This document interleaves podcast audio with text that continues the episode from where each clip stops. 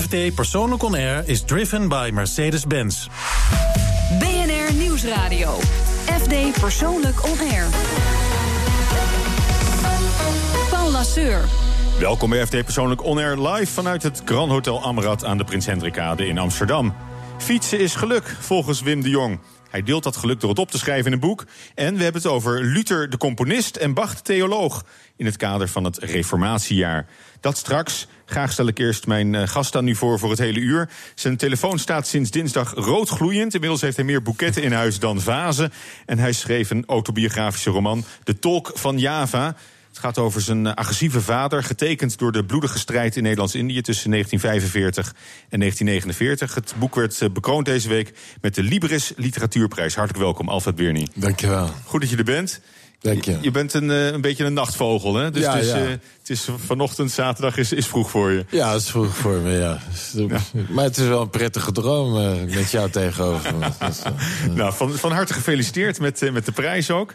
Hoeveel, hoeveel boeketten heb je inmiddels thuis? Het is een beetje een jungle intussen. nou, ik heb maar een paar van, van die emmers neergezet. En daar, daar, daar heb ik ze ingezet. Ja, ik heb inderdaad fase tekort. Ja, want, want er komt echt wel heel wat op je af, denk heel ik. Als je, veel, heel veel. Dus ja. dan, dan merk je ook ineens, denk ik, dat het wel een hele prestigieuze prijs is ook, die, die Librisprijs. Ja, ja, ja. Heel veel bloemen, sms'jes, eh, e-mails, brieven, kaarten.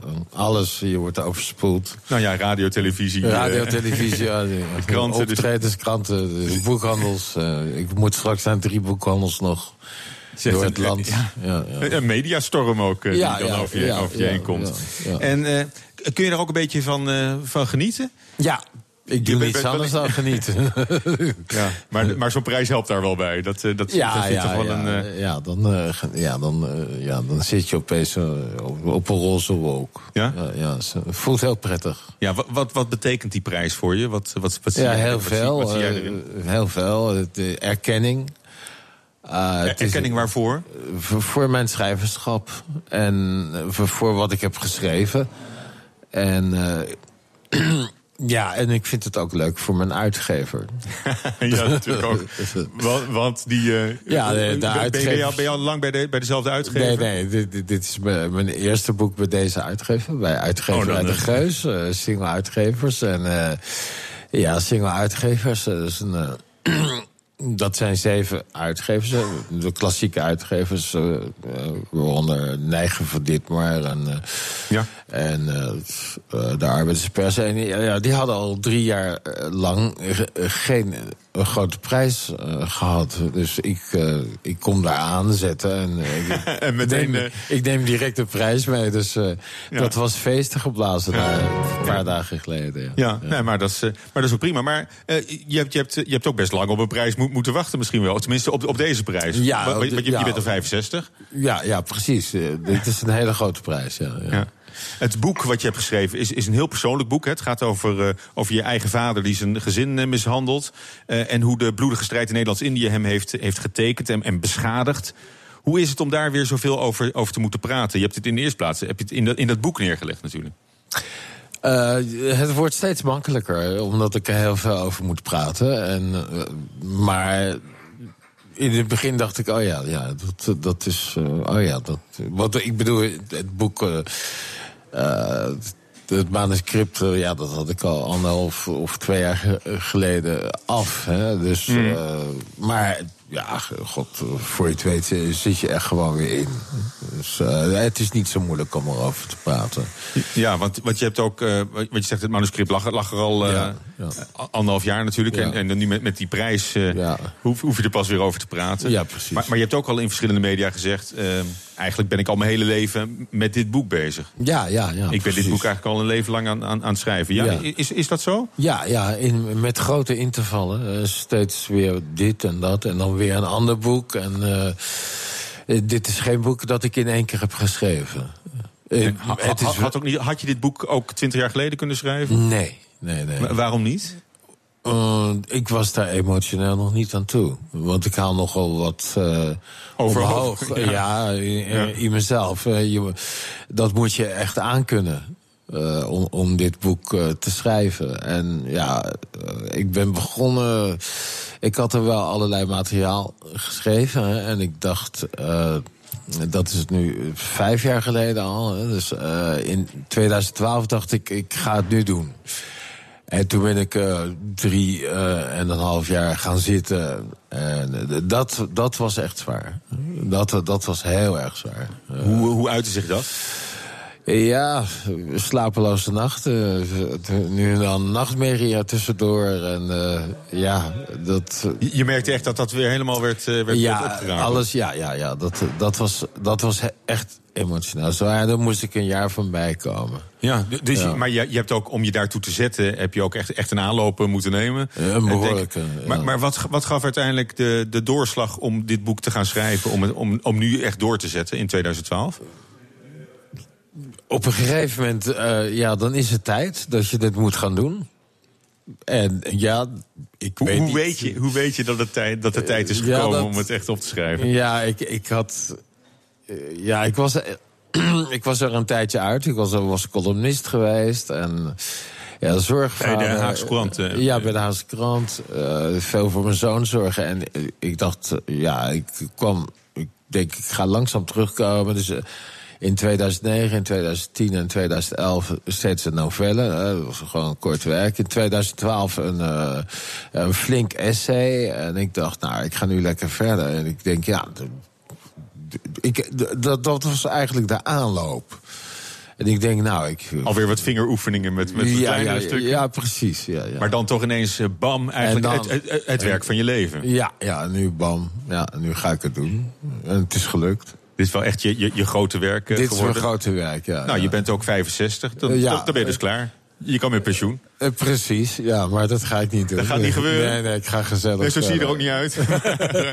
maar dat is, dat, is, dat is wel wat je, eh, wat je soms denkt, hè? 65, nou, pensioengerechtigde leeftijd. Ja, kan ik allemaal doen. Gewoon met een prijs eruit. Ik ben geen kantoorjongen en eh, zoals je weet, eh, schrijvers die gaan door de, tot ze erbij neervallen. hè. Ja, zo hoort het natuurlijk ook. Ja, misschien wel even, even vrije tijd en, en genieten van deze prijs. eh, en tot, tot deze hele mediastorm ook weer is, is voorbij getrokken. Ja, ik ben mijn. eh, eh, ja, ik, ik kijk naar mijn rooster hè, en ik probeer in ieder geval een weekje weg te vliegen, maar ik zie nog geen kans om, om te vertrekken. Dus ik moet nog even wachten. Maar verplichtingen in boekhandels Ja, en ja, ja, signeren en eindeloos. Vind je het leuk? ja, Dat signeren in boekhandels? Ja. Heb, je, heb je een beetje interactie ook met je, met je lezers? eh? ja, daar zorg ik zelf wel voor. Ja, ja, ja. Niet alleen bij de boek, Roept maar u ook- maar, zeg ook ik dan. Ja, ze mogen van alles vragen. Ja. Nou ja, misschien eh, toch een beetje vrije tijd, maar dan in, in gedachten nemen we je even mee. Want we hebben je vooraf gevraagd een ideaal weekend samen te stellen... zonder grenzen aan tijd, afstand of geld. Oh, dat was voor hier. Ja? Oh, En dan- Nou, Wat dat, was dat ook weer? Ja. nou, dat ga je nu horen. Oké. South of Spain, in Andalusia. This is Sevilla. Hold on to your castanet.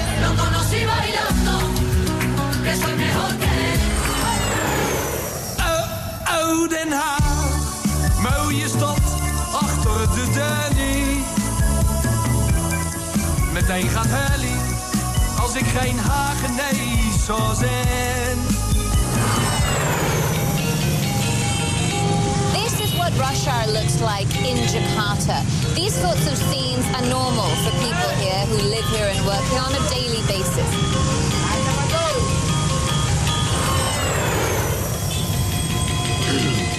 Ja, dat was het droomweekend van eh, schrijver Alfred Bernie. Zat ook mee te swingen op, op, de, op de barkruk eh, hier.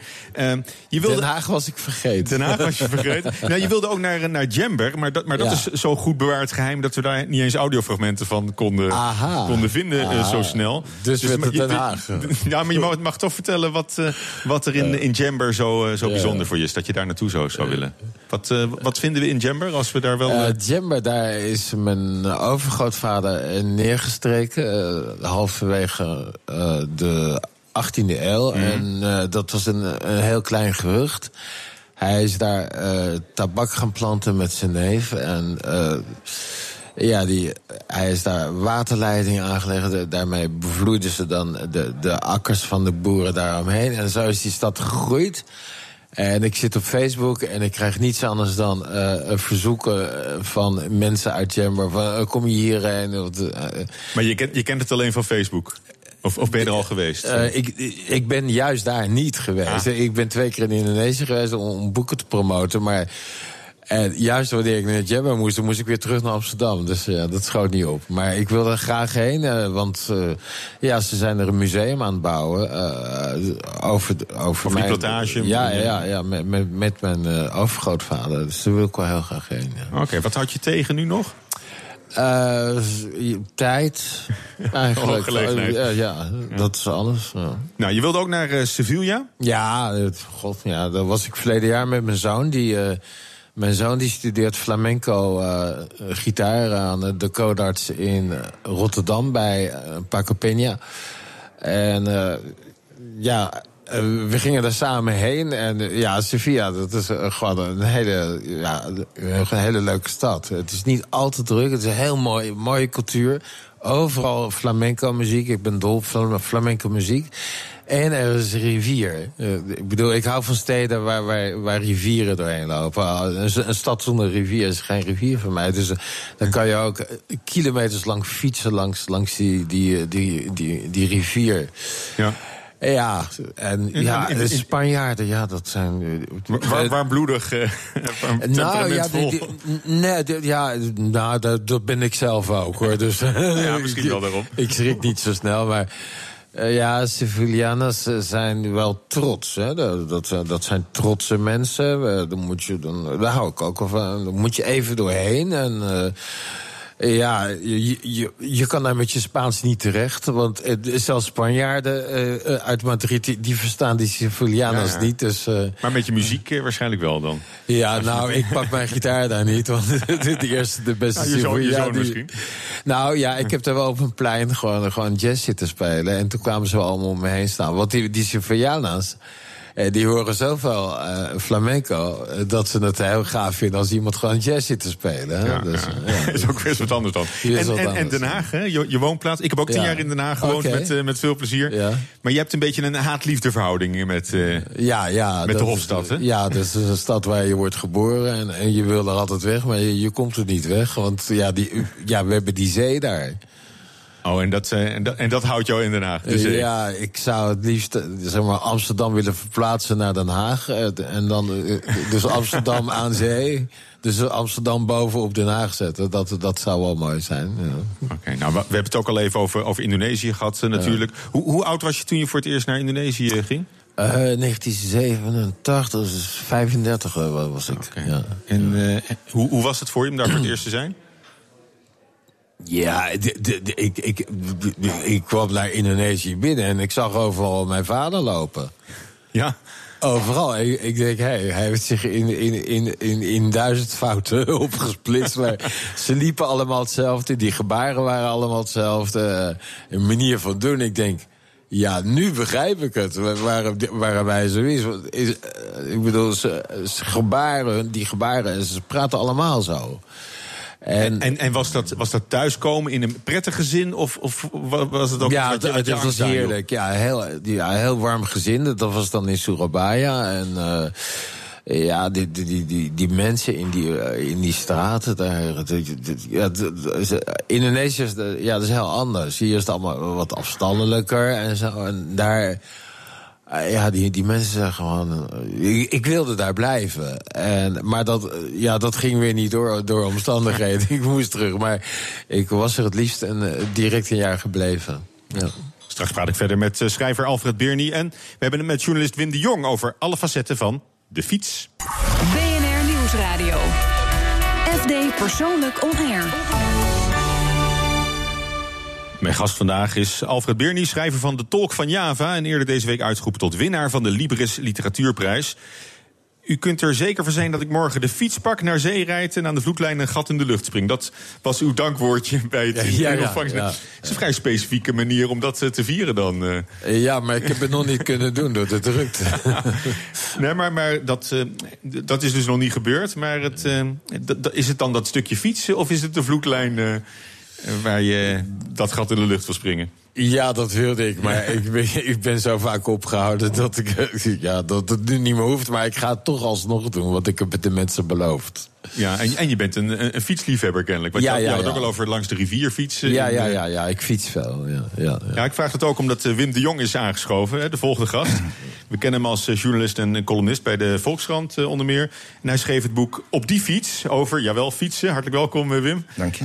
Want eigenlijk is, is fietsen iets heel eh, alledaags, ook eh, typisch Nederlands eh, misschien wel. Maar wat, wat, wat zeg je nou in, in, in een boek over de, over de fiets? Wat, wat, is de, wat is de kern van je verhaal?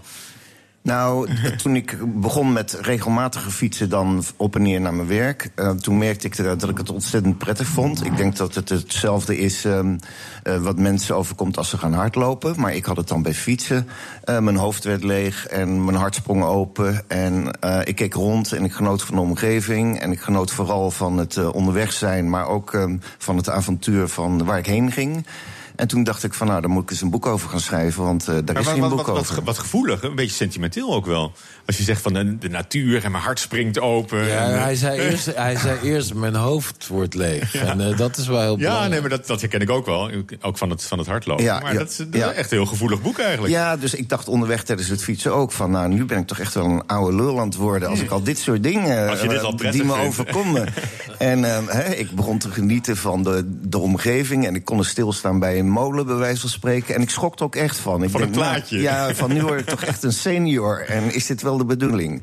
Maar eh, uiteindelijk heeft eh, die liefde voor dat fietsen... het eh, toch gewoon eh, gemakkelijk Oh, overwonnen. dus dat, dat beeld heeft je er niet van weerhouden om er een boek over, over te schrijven. Nee, dat heeft me er zeker niet van weerhouden. Oké, en eh, hebben we het nu over, over wielrennen of zit je gewoon op een eh, postbode-model? eh? Nou, ik heb een paar fietsen. Maar in dit geval, ik begon met dat fietsen voor het rondje Nederland. En dat moest ik in een tamelijk snel tempo doen. Ook omdat ik weer thuis werd verwacht. En toen heb ik een hele mooie elektrische fiets gekocht. Dus Elektrisch? Elektrisch. Rondje. Nederland heb ik ja, dat kwam er nog bij. De dat kwam er nog bij. e-bike. Elektrisch. Ja. Ja. Ja, ja. Maar ehm, gelukkig zie ik ook onderweg steeds meer leeftijdsgenoten en veel jongere mensen die dat ook doen. En ik kan ze geen ongelijk geven. Ja, maar het is ook meer van, meer van Nederland zien waarschijnlijk... wat je nu doet eh, met, met dat fietsen. Ja, dus eh, je, je kan enorme afstanden afleggen op een dag. En ehm, eh, ja, d- toch, eh, doordat je niet voortdurend tegen die wind eh, in eh, hoeft eh, te knoesten... ehm, ja, ben je eh, gewoon veel relaxter en eh, geniet je meer van de, het eh, gebeuren zelf. Ja, en in hoeverre is dit fietsboek voor jou een kleine revanche... op een, eh, op een mislukte carrière als wielerverslaggever? Ik refereer ook even aan, het voorwoord Ja, ja, ja, ja, ja. Ik be- begon ooit, of nou, ik begon ooit, maar toen ik een jong eh, en nog veelbelovend verslaggever was, eh, werd ik er nog wel eens op uitgestuurd naar de Tour de France. Maar ehm, daar kwam ik natuurlijk ook in aanraking met het eh, Franse leven. En ehm, ik genoot van de wijn en van het eten. En ik, dan gebeurde het nog wel eens dat ik een. etappe oversloeg, omdat het veel te gezellig was. En nou ja, dat is me wel rauw gevallen. En, ehm, nou, maar ja, nu heb ik ook wel weer de liefde voor het wielrennen opgepakt. Ik kan eh, met veel plezier naar eh, wedstrijden op televisie kijken. Ik heb zelf ook een racefiets, dus eh, dat doe ik ook allemaal gewoon weer. Je hebt echt een heel, heel wagenpark staan. Ja, de een, verleiding fiets, is- zeker een, stal, als een je- stalletje vol. Als je een beetje gaat verdiepen in het aanbod van wat er aan fietsen is... het is allemaal zo verschrikkelijk mooi. ja, dat je eigenlijk je portemonnee en je zak voelt branden, zeg maar. Is het ook een boek eigenlijk over het apparaat, de, de fiets? Of Nou- is, is het alleen de beleving? Ja, het is eigenlijk alleen de beleving. Want ehm, ik dacht ook van als ik over het apparaat ga schrijven... en over wat dus tegenwoordig allemaal ehm, in fietstechnologie aan de hand is... dan heb ik de kans dat ik ehm, binnen een paar maanden alweer... met een verouderd boek eh, in handen zit. Want eh, het gaat verschrikkelijk snel Wat, in wat, is jouw favoriete innovatie van de afgelopen jaren? Nou, wat ik heel erg leuk vind is dat de randonneur terugkomt. Zeg maar de oude tourfiets eh, zoals die er vroeger was. eh, met een wielerstuurtje eh, en een eh, broekzadeltje, een leren broekzadeltje. Maar dus echt een tourfiets zoals die in de jaren 40 en 50 eh, werd gemaakt. En die is er nu weer en die ziet er fantastisch uit. En daar zou ik er nog graag eentje van hebben. Oké, maar, dat, maar dat is toch ook wel iets. Het, het is niet alleen, het is niet alleen de natuur en het onderweg zijn. Nee, het- er is, zit een heb-factor het- ook De heb-factor zit er ook al in. Absoluut. Want ehm, eh, fietsen is ook wel een beetje een, een spullensport. Hè? Dat is vooral de, de mammals natuurlijk. Hè? De middle-aged men in Lycra. Die, die hele dure fietsen kopen. En dan, eh, ja, vooral naast elkaar staan op te scheppen, volgens mij, over een, eh Ja, het, het, het verbaasde mij toch enorm. Ja, dat, dat materialisme of die liefde voor het eh hebben ding, zeg maar, eh, in, in deze liefhebberij. Als je in eh, de fietsenzaken van tegenwoordig komt, dan zie je vitrinekasten die, nou ja, daar hadden net zo goed juwe- juwelen of horloges in kunnen liggen. Zo verschrikkelijk mooi zijn ze.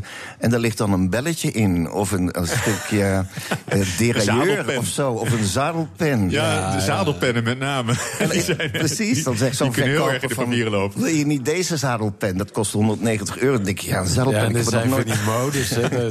Nu- rijden we op die hele smalle zadels. Ja. Maar ik, ik eh, blijf gewoon op zo'n ouderwetse rolszadel rijden. Want, want dat zit gewoon lekker. Maar je, je, heb je een, eh, een racefiets? Ik heb het nu over een racefiets, ja. Ja. Ja. En als jij het hebt over, over fietsen, dan heb je het ook over, eh, over wie- wielrennen eigenlijk? Ik heb het in de eerste plaats over, eh, over, over racefietsen, ja. Ja. ja. Ja, dat Dus is jij, het jij- gaat ook in, een- fietsen. in een lycra pakje op, eh, op zondag. eh, Eh, Ja, ja. ik- Met een groepje ja, uit- ja, uit ja, fietsen, Ja, ja. en een helm op. Ja, ik fiets door de duinen. Dus eh, Ja. dat is Oké, dat oh nou ja. niet En, helemaal ken, je het boek van, eh, van Wim al of niet? Over de Nee, nog niet. Nee, nog niet. Maar ik, eh, wat ik zo hoor, dat is wel interessant. Vooral, ja, en, en, die, die innovaties. Ze hebben nu een fiets van 2 miljoen euro... die, die helemaal luistert naar, naar jouw lichaam. Dus je hoeft niet meer te schakelen. En ik bedoel... De, de, de, Oh, maar ja, dat, maar dat, houdt je, dat houdt je dan ook wel bij, zeg maar.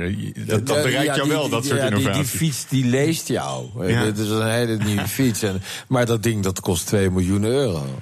Ja, dat is fantastisch. zeg. Maar nou, er zijn grenzen. En, de, en die hele fietscultuur, eh, eh, heb- Wim, heb je, heb je daar nog iets nieuws over, eh, over geleerd bij het schrijven van dit boek? Nou, het is wat jij al zei, van als je in New York komt en je gaat naar die Rafa-winkel, eh, dan loop je daar met open mond rond. Eh, wat, wat ik wel heel erg leuk vond, is eh, dat die hele hippe fietscultuur, die heeft die hele ouderwetse hippe, of die ouderwetse fietscultuur van Nederland en België overgenomen.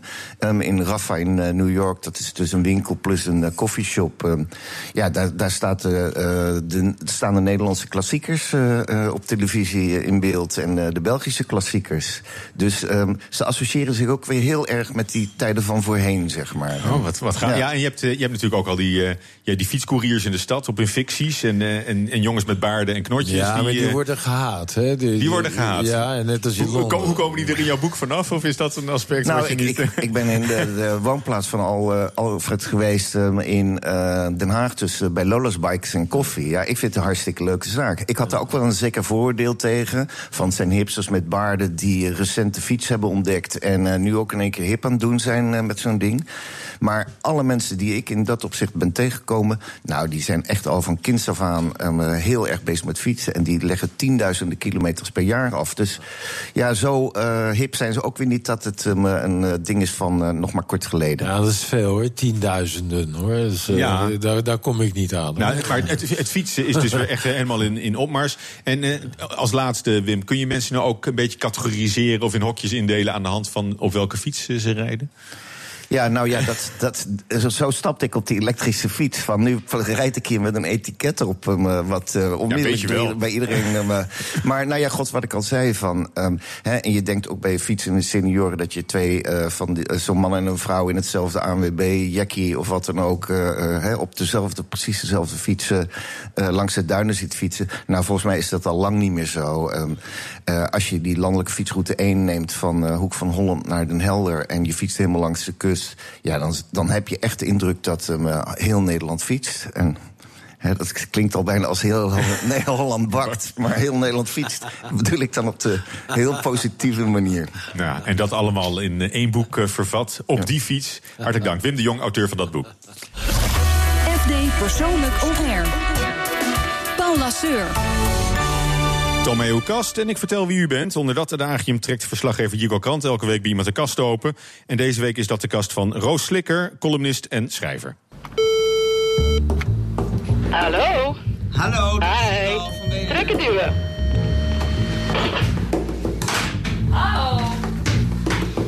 Roos Slikker in haar eigen habitat. Ja, zeker. Dag. Hoi. Hoi. Ik nam graag een kijkje in je kast. Nou, vertel. Ik heb een eh, dobbelsteen bij me. Alsjeblieft. Ja? We hebben zes kasten nodig. Ja. Ik heb ook een flipperkast, telt dat?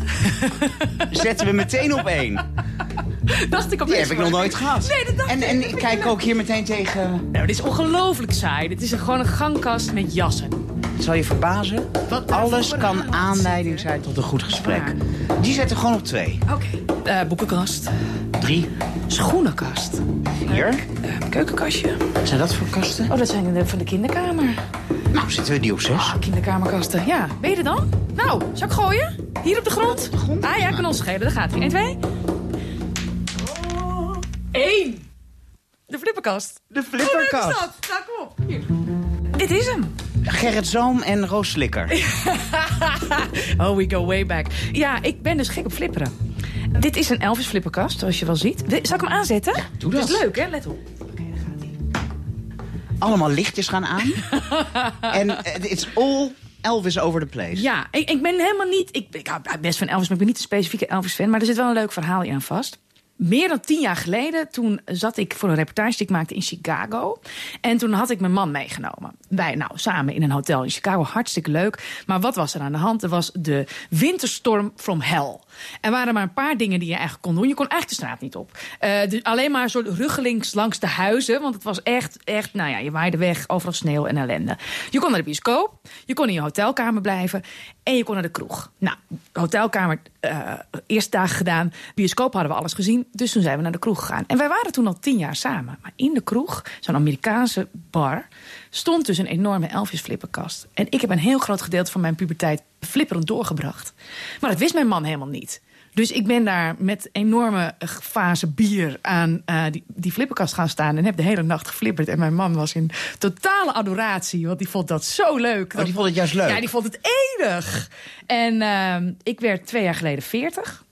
En mijn man heeft toen een, eh, een feestje voor mij georganiseerd. eh, met eh, een soort surprise-achtig ding. En deze kast geregeld. En het is dezelfde kast, althans niet die, precies deze die in de bar stond. Maar hij ziet er hetzelfde uit als de kast in Chicago. En hij staat in mijn werkkamer, zoals je ziet. Dus ik zit daar achter een serieus houten bureau. Maar zo nu en dan stap ik er even uit. uit het schrijven. En gaan we flipperen. Elke dag. Nou, niet elke dag, maar wel geregeld. Eh flipper is echt de manier om aan niets te denken... en dan daardoor dus tegelijk aan alles. Zullen we Nou, aanzetten? Ja, Dan natuurlijk. gaat Ik wil je wel even zien spelen. Je wil mij even zien spelen. Oké, wacht. Ja, ik moet een beetje mee bewegen, hè? Daar komt hij. Hoe, daar gaat hij, zie je? En hij beweegt met zijn heupen. Ik vind dit nog steeds zo geestig. Kijk. Oeh, we hebben iets goed gedaan. Kijk. Kijk, ik word hier in... Ah. Nu ben je hem kwijt. Ja, nu ben ik hem kwijt. Daar kon ik niks aan doen, hè? Dat zag je. Maar, ja, ehm, ik word hier heel gelukkig van. 115.280 Nee, dit was niet best. punten. Nee, dit was niet best. Nee? Van wanneer stamt het record?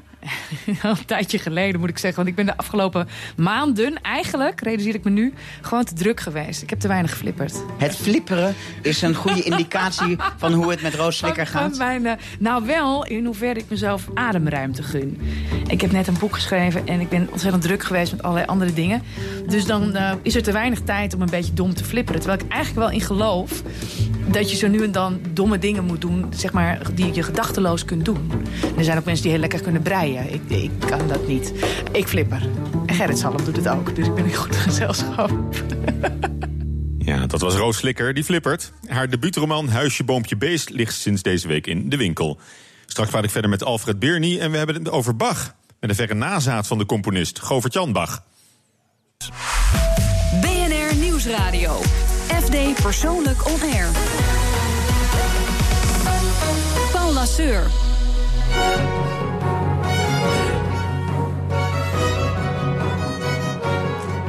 U hoorde een fragment van een kantate van Bach. En dat heeft alles te maken met de volgende gast... die bij mij en Alfred Birny aanschuift. Hartelijk welkom, Govert-Jan Bach. Ja. Die naam is, is toevallig. hè? U bent niet echt een eh, verre nazaat Ik van... ben, ben familie. Oh, wel familie? Wel familie, maar geen verre nazaat. Want oh, Johann oh. Sebastian Bach is al in 1873 helemaal uitgestorven in naam. Oké, maar, maar, de, maar de familie is... Familie eh, wel. Maar we zijn, je- zijn heel ver. 1600 zijn we dan. En dat is een Nederlandse tak geworden. Dus de Duitse Bach is gaan varen bij de VOC en hier blijven hangen. Oké, en, en uw achternaam heeft dat nog iets bijgedragen aan uw fascinatie voor de... eh, Ja, ook, de gedeelde ook- achternaam, uw maar ik hou fascinatie voor de evenveel van? Mozart en van Brahms. En en Pink Floyd. En, ga zo maar door. Ja. Maar het is wel de grootste componist ooit natuurlijk. Dat wel. En, Ja. en dit weekend eh, wordt daar extra aandacht aan besteed. Ja. Twee jubilea worden op één hoop geveegd. En gevierd in het Concertgebouw in Amsterdam. Hè. Dirigent eh, Philip Herrewegen, die wordt 70. En er wordt stilgestaan bij 500 jaar reformatie. En eh, Go- Govert eh, Bach die schreef een audioboek over Bach. En die zal ook een inleiding houden bij het, eh, bij het concert. klopt. Waar gaat het boek over? Het boek gaat over de hele sterke verbinding tussen Luther en Bach. Hoewel er 200 jaar verschil eh, tussen deze twee zit, zie je bij Bach Luther nog helemaal aanwezig. En hij heeft dat helemaal geïntegreerd in zijn muziek. En eigenlijk mag je zeggen: geen Bach zonder Luther. En ja, ik ben eraan gewerkt en het werd steeds sterker en duidelijker. En is dat, een- is dat een, een nieuw gezichtspunt? Of Nou, is het dat wel algemeen nieuw, maar, gedeeld? Maar dat, het eh, zo, zo ongelooflijk sterk is, dat, eh, dat mis ik ook een beetje in de, alle biografieën over Luther. Die toch vooral gaat over zijn hervorming en zijn politiek. En voor Luther zelf was de muziek heel erg belangrijk, vooral als troost. En dat heeft hij meegenomen in zijn kerk. In de Calvinistische kerk, dus Calvijn was een opvolger van, eh, een navolger van, van Luther eigenlijk, was eigenlijk muziek verboden, min of meer. Dus het is heel belangrijk dat Luther zo van muziek hield. En dat horen we helemaal terug bij Bach en allerlei andere Duitse componisten, als Mendelssohn en Brahms. Ja, Ja. Daar praten we zo verder over. Ja. Ook, eh, ook even over, eh, over de dirigent eh, Ja. Herrewegen. Wat maakt hem nou tot zo'n zo'n beroemd en, en gewaardeerd dirigent? Hij is natuurlijk een fantastische dirigent. En hij is vooral bekend vanwege zijn uitvoeringen van Bach, barok, ook oude muziek. Maar hij behoort tot die Wat, wat, wat, kenmerkt zijn uitvoeringen van die muziek? Ja, nou het leuke is dat hij dus, het mooie is dat hij dus ook moderne muziek uitvoert. Romantische muziek, maar ook zeer moderne muziek, hedendaagse. Hè. Er worden dingen voor hem geschreven die hij zelf ook in een première brengt. En dat houdt toch wel, hem, als het ware, in deze tijd ook. Hè. Hij is bij, hij is niet helemaal in dat barokke eiland van, van 1700 gevangen. Hij, hij heeft zijn voelsprieten naar de wereld toe. En dat heeft denk ik ook te maken met de achtergrond dat hij, hij is arts heeft zich gespecialiseerd in de psychiatrie, niet gepraktiseerd als psychiater. En toen is hij zo gevallen voor de muziek dat hij daarmee door is gegaan.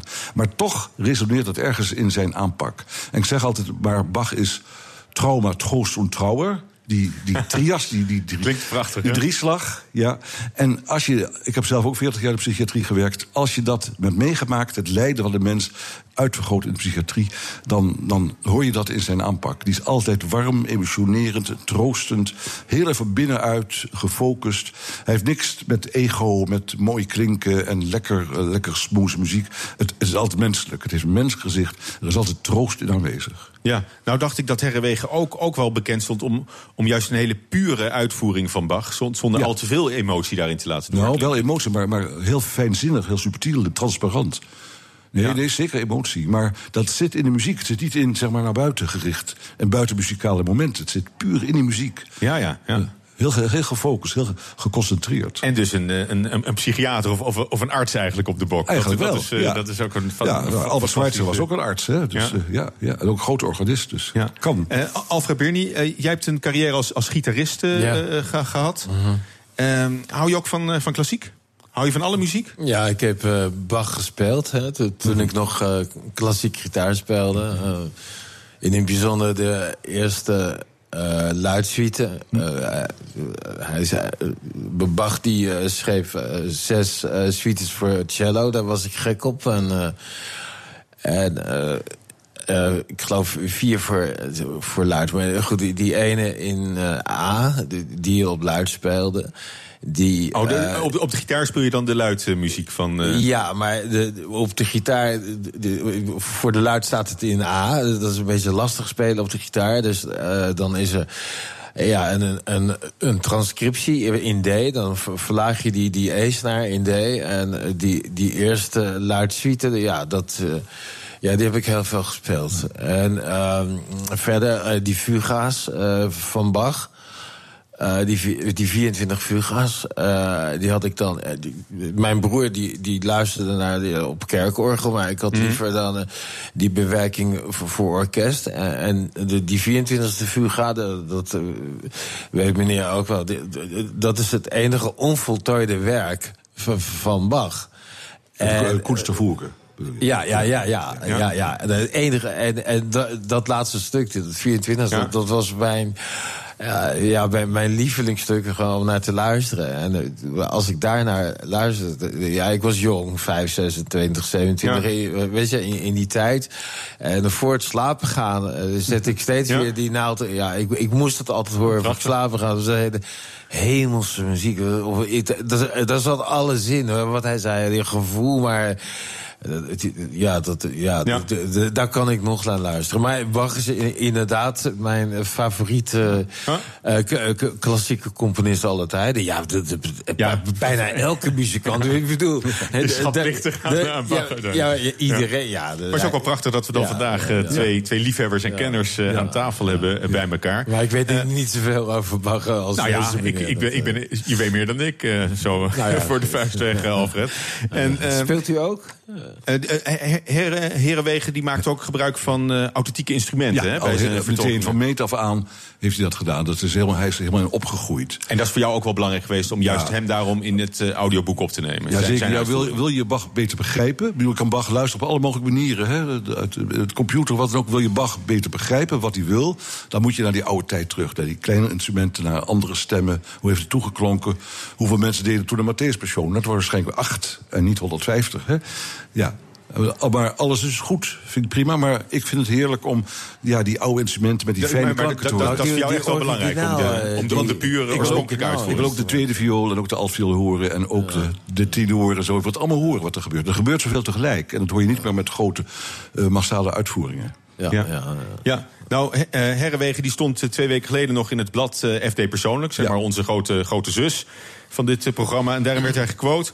Als ik een Bach-kantate dirigeer, ben ik even protestant. Ja. Ook al ben ik van oorsprong en ook cultureel gezien katholiek. Maar Ja. we hebben het echt over protestantse muziek, hè? Dat, is ook die, die combinatie misschien, Zeker, Luther en Bach. Door Luther is het heel protestants, maar Bach schreef eigenlijk altijd over de grenzen van zijn tijd heen. En aan het eind van zijn leven, hè, dat was eigenlijk zijn laatste werk, niet die koele te voegen, maar de Hohe Messen, heeft hij iets gemaakt wat echt boven de kerk van die tijd ook uit, uitstijgt. Dus hij, hij is niet alleen protestant, maar zijn eigen geloof was dat zeker. Maar hij was zo'n genie dat hij over die grenzen heen ging. Hij was een Ja. grensverlegger. Ja, maar dat ook dus, dus Luther echt, echt een beetje een, een, een- componist in zich had, hè? Of, En- een- of en- een muzikus. en hoe? Ja. Maar hoe, hoe kan het dat dat niet veel meer eh, bekend was... of niet veel meer benadrukt is in, eh, in die biografieën? Ja, dat snap ik niet. Ja, dit dat zijn vaak theologen of historici. En ze doen Luther eigenlijk daarmee tekort. Want hij zegt zelf in de tijd dat hij nog niet eh, verlost was... dat muziek het enige was wat hem troostte in zijn depressies. Hij had echt depressies, hij doet het amvechtungen. En dan, dan zegt hij, je moet, dan moet je maar gaan zingen en gaan spelen... dan gaat het vanzelf een beetje over. Ja. En hij zegt zelfs ook, als je muziek hoort... dan word je er een beter mens van. Nou, dat is ontzettend leuk. Ja. Nou ja, en dus eh, moet je, kan je niet anders dan 500 jaar reformatie... Ja. eh, daarin Bach en Luther aan elkaar eh, koppelen. Ja. Eh, wordt er ook wel eens kritisch op, op die stellingname eh, gereageerd? Door, eh, door Tot nu toe heb ik dat nog niet, niet gemerkt. Ik heb meer andersom. Ik denk van, je doet Luther echt tekort daarmee.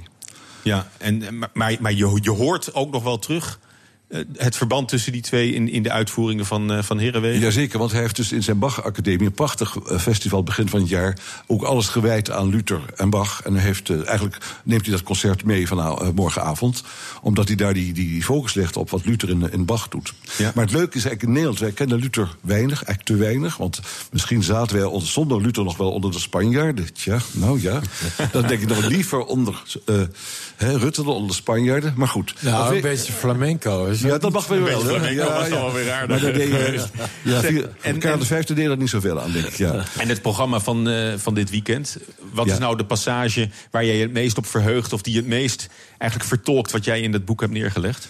Nou, eigenlijk alles. Is een kantate Ein feste Burg unser Gott. Dat is dat heel beroemde lied van Luther, wat heel veel mensen kennen. Dat wordt dan heel magistraal uitgevoerd met trompetten en pauken. Hè. Een beetje haast eh, patriotistisch is dat geworden. Ook een beetje een hemelschare van eh, engelen, denk ik dan. ja. Maar hij doet ook dus, zijn Latijnse of Lutherse, een van die Lutherse missen.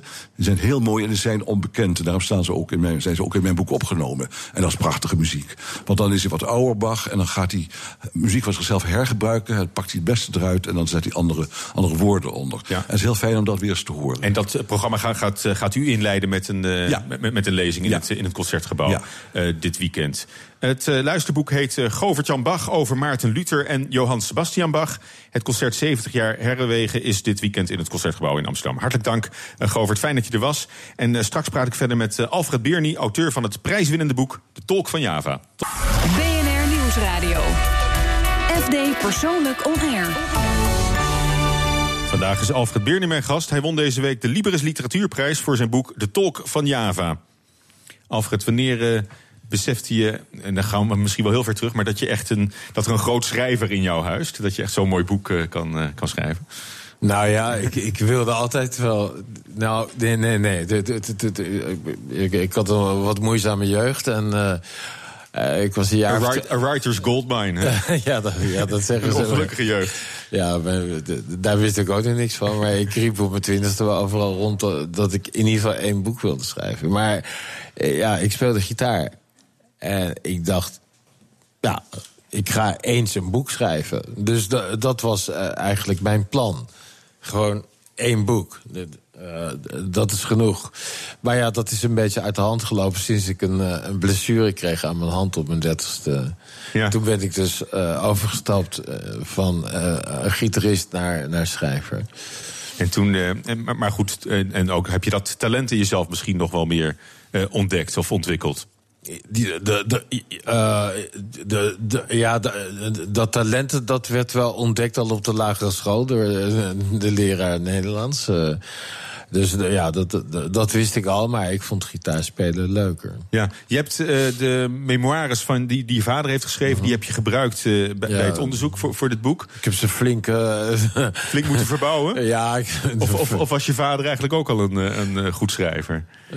Was het goed materiaal, die, die memoires? Ja, Technisch beetje, gezien ja, een beetje, een beetje plechtstatig eh, Nederlands. En natuurlijk ouderwets, een beetje ambtelijk eh, proza. Dus eh, ja, ik heb er flink aan moeten verbouwen. Ik, heb het een keer of 15 herschreven en, en allerlei stukken eruit. En, en ik heb allerlei verzinsels natuurlijk eh, eh, eh, ingestopt. Ja, want ik ben ook al in, in je boek begonnen. Ik was meteen al eh, 230 bladzijden verder. Ja, het, leest echt als een, als een trein. Snelle jongen. Een, een heel goed, heel Ja. goed geschreven boek. Dank je maar als je naar het onderwerp kijkt, het gaat over je jeugd, over een, ge- een gewelddadige vader, over internaten, een, een, een moeder die wegkeek.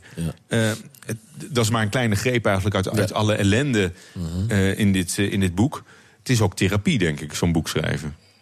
Mm, ja, eh, het, dat was niet mijn bedoeling natuurlijk. Van, ik ga een boek schrijven, want dan, ga, dan zit ik lekker... Om het van je af te schrijven. Ja, dan zit ik lekker in therapie en dan hoef ik geen psychiater te betalen. Dus Zo werkt het niet, maar uiteindelijk...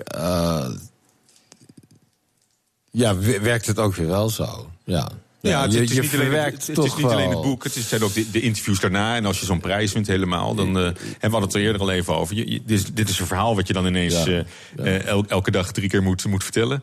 Nou, ik vertel het wel steeds anders, maar deze interviews, eh, eh, ja, dat, die heb ik niet meer nodig in, in, eh, voor wat betreft eh, de therapeutische kant. Want daar ben ik wel klaar mee, hoor. Ja. Dus, eh, Ja, heb, je, heb je in het verleden wel een, eh, een psychiater nodig gehad om... om eh, Eh, ik heb er een paar geprobeerd, psychiatrische psychologen, maar die wisten niet goed wat ik met ze aan moest. eh, eh, eh, wa- wa- wat zij met me aan moesten. En ik op mijn beurt vond het maar een stelletje, ja, rare laar. Dus, dus, dus dan werkt het boek toch beter misschien wel. ja, dan, ja, eh, ja, ja, ja. dan het Ik- officiële Je moet weinig hebben van psychiatrische psychologen. Daar kan ik niet goed mee overweg. nee. Nou is, nou is het boek al een tijd eh, af natuurlijk. Hè. Wij zien pas het eindresultaat van, een, van een enorm traject en een aanloop eh, daar naartoe. Heb je inmiddels de, ja, echt, eh, de, de, de waanzin van je, van je vader, zo kunnen we het wel noemen... heb je, heb je die sindsdien al wat meer eh, los kunnen laten of van je af kunnen zetten? Ja hoor, ja, zeker. Ja, Of was, dat, al- was het al ruim daarvoor? Was het eigenlijk Nou, het moment nee. dat, je, dat je kon gaan schrijven? Nee, te- tijdens het schrijven eh, had ik wel momenten van... Ja, nee, nee, nee, nee, dat, was, nee, nee dat, dat- is weer later gekomen. Ja. En het gaat niet alleen over, over je eigen jeugd, hè, dit boek. Het gaat ook over de, de onafhankelijkheidsstrijd in Nederlands-Indië vanaf 1945. Ehm, zie je het ook als, jou, als jouw missie om een ander beeld te, te scheppen van, van hoe dat is, is gegaan? Ja, De- zeker. De koloniale oorlog. Ja, ja, eh, ja, ja. Ik dacht, ja, hier wo- wordt heel weinig over geschreven. Ja, Jawel, eh, eh, in de non-fictie en eh, hoe heet dat, historici schrijven hier natuurlijk over, maar dat is toch een beetje ver- ver- verborgen. En er is natuurlijk heel veel geschreven over, maar dit speciale hoofdstuk van, van die mariniers op Oost-Java. Die, die eh, eh, jongens van het land, land ronselen, zoals, mijn vader. Eh, Dat ben ik nog niet echt tegengekomen in de Nederlandse literatuur. En ik dacht, ja, ja er is te weinig aandacht voor onze koloniale geschiedenis. hè, op, op de, eh, bij de geschiedenislessen op, op de scholen. Dus ik denk, nou ja, dan wacht hier de schone taak eh, voor de schrijver. En, en wat, wat is het beeld wat, wat nog te, te veel eigenlijk eh, de boventoon voert? Als Te je- veel eh, schuld van de Nederlanders. eh, van, van ja, sorry, we, we- we hebben jullie, we, we hebben jullie eh, uitgebuit en gekoloniseerd. En we, hebben er zo'n spijt van. Dat is natuurlijk onzin. want, Zit Indonesië erop te wachten of niet? Helemaal niet. De- die Indonesiërs die, die, die snappen dat ook niet. Die Indonesiërs die, die zeggen tegen. Ja, die, die denken gewoon. Ja, wat zitten ze nou te kletsen? Wij hebben de oorlog gewonnen. En, eigenlijk typisch dat wij als, als, als Dat verliezers van, de- van die oorlog Ja. eh, ons excuus nog willen aanbieden. Van, Ja, eh, sorry ja. dat we. Ja, dus stel, de, de- die Duitsers die komen hier maar van... Ja, sorry eh, dat, dat wij de oorlog hebben verloren. dat, dat, dat, doen ze niet. Nee. Wat, wat, zou erin moeten, moeten veranderen, ook in de geschiedenisboekjes misschien? Een, een, een breder, eh, de, de, de Nederlandse geschiedenis in een, in een breder kader, een breder perspectief. Dus eh, Suriname erbij, eh, standaard Zuid-Afrika erbij, eh, eh, Nederlands-Indië. Gewoon. Die, de, het, is, het, het lijkt ingewikkeld en moeilijk, maar het is een hele grote geschiedenis. Ik bedoel, de 17e eeuw werd gewoon gedomineerd door de Nederlanders. Nou, dat mag je gewoon zeggen. En, en, en ook verder schrijven eh, tot, tot, eh, aan dit moment. En dan krijgen de, de leerlingen op, op, op de scholen... die krijgen ook een, een beter besef hè, van, van, van de koloniale geschiedenis van Nederland. En dan... Ja, dan krijg je mensen die anders het debat ingaan. Eh, Nu wordt er veel gedebatteerd over eh, racisme, over islam en dit en dat. En eh, daar waren ze 100, 150 jaar geleden ook al mee bezig. hè. Dat, dat ook, ook, ook in, in, in de literatuur, die, die dan de kanon niet heeft gehaald. Dus die verbazing hè, momenteel van ja, over de islam, dat, dat, dat, dat, is, dat is nou al een heel, heel oud Is, is, verhaal. dat, is dat voor jou ge- gekoppeld, die twee? Want je, je, Ja, je, je, je neemt heel erg duidelijk stelling, ook in, in de multiculturele culturele samenleving. Hè? Daar, ben, daar ben je een, eh, een, een voorvechter van. Nou, een voorvechter eh, ook weer niet, maar wel een. eh, ja, of misschien ook wel, ja. Het is, Maar dat wordt je ook niet door iedereen in dank afgenomen, volgens mij. Nee, maar, ja, maar, maar, ja, maar de, de mensen overdrijven het eh, zo. Ik bedoel, ik, ik, ik zeg niet eh, dat heel Marokko en, en Syrië hier moet komen wonen. Daar gaat het niet om. Maar in de eerste instantie eh, gaat het om eh, eh, de landen die gekoloniseerd zijn geweest. En dan eh, Hmm. heb ik het over Surinamers, Indo's, eh Molukkers, ja, die, die Hmm. voor, voor de Nederlanders hebben gestreden. Eh, ja, daar moet je toch wel het een en ander van af weten. Ja, heb je zelf ambities om dat eh, te verbeteren? Bijvoorbeeld in die informatievoorziening op, op, op scholen. Ga, ga je wel eens naar scholen toe om, Nee, om, nee, het, om het verhaal te vertellen? Nee, nee, dat, nee. Ik, Is dat niet jouw, dat zie je niet als jouw taak? Nee, want ik ben een night rider en dan moet ik om, om, om negen uur s morgens op school zijn. En dat is voor mij te veel te vroeg. En die leerlingen die onderuit hangen en on, on- on- ongeïnteresseerd eh, aankijken, daar heb ik echt geen zin in. Nou, misschien dat ze de, de tolk van Java op hun literatuurlijst kunnen, kunnen opnemen. Dan, ja, daar maar zijn dan, ze dan krijg, bezig, ze maar eigenlijk een klein, eh, krijg ze maar een heel klein aspect van het, eh, van het hele verhaal. Nou, de- uiteindelijk, eh, eh, als je dit, de, ik bedoel, het is A, eh, chronologisch geschreven, maar je krijgt wel een geschiedenis van het jaar eh, 1925 tot 2005. Dus eh, dat is wel, ik bedoel, de, de, zeg maar de laatste periode van Indië. Dat is, dat is ook wel interessant hoor. Ja, het is een hele, hele boeiende tijd. Het is ook een prachtig, eh, prachtig boek geworden. Ko- Komen er, komen er meer boeken? Ook van deze eh, betekenis, deze omvang? Be- eh, eh, bedoel je van anderen? Nee, van jou? Eh, Hierna nog? Die, die, die, die, die heb ik hiervoor al geschreven, maar die, die, die, Ja, ja. zijn- die zijn nog niet zo opgemerkt als dit boek. Nee, maar heb je nog, eh, heb je nog ambities om, om, om nog, nog een zo groot boek eh, te presenteren? Nee, nee, nee, nee. Hier, hier moeten de lezers het echt mee doen. Hier moeten we het mee doen. Je vertelde ook al over je carrière als, eh, als gitarist. Eh, je, speelde ook, eh, toen je jong was, hoorden we net eh, Bach zelfs. Maar eh, wat, wat, wat was eh, het eh, voornaamste wat je, wat je speelde? Je, sp- je speelt ook jazz, eh, begrijp ik? Mm, ja, ik, ik was ook eh, singer-songwriter bijvoorbeeld. Eh, Je hebt nu heel veel singer-songwriters. Mm. En, in de jaren zeventig had je er heel weinig. Dus ik trad op in, in voorprogramma's van, van, van bands. In die tijd had je dan die... Een beetje indopop eh, misschien? Een beetje Nee, gitaar, nee, eh, nee, nee, nee, nee, nee, nee, nee. Ik speelde gewoon heel ordinair eh, Bob Dylan en Neil Young Oh, ja. en, en Tom Waits. Hè. Dus, Ja, wat- wat- dat hoor je ook aan mijn stem, hè? Een beetje lage stem.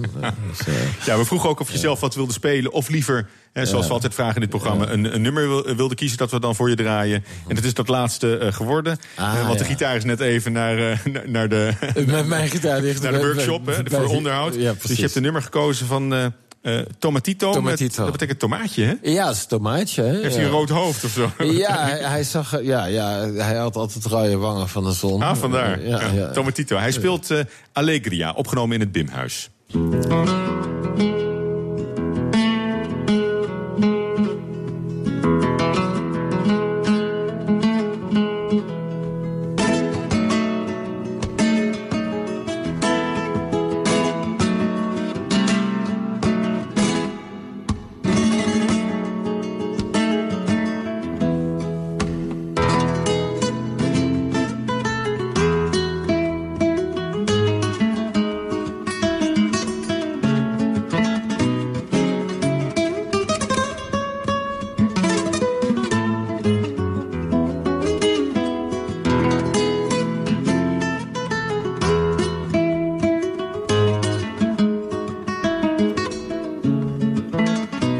Niet Alfred Birnie zelf, maar het door hem gekozen nummer eh, Allegria door eh, Tomatito.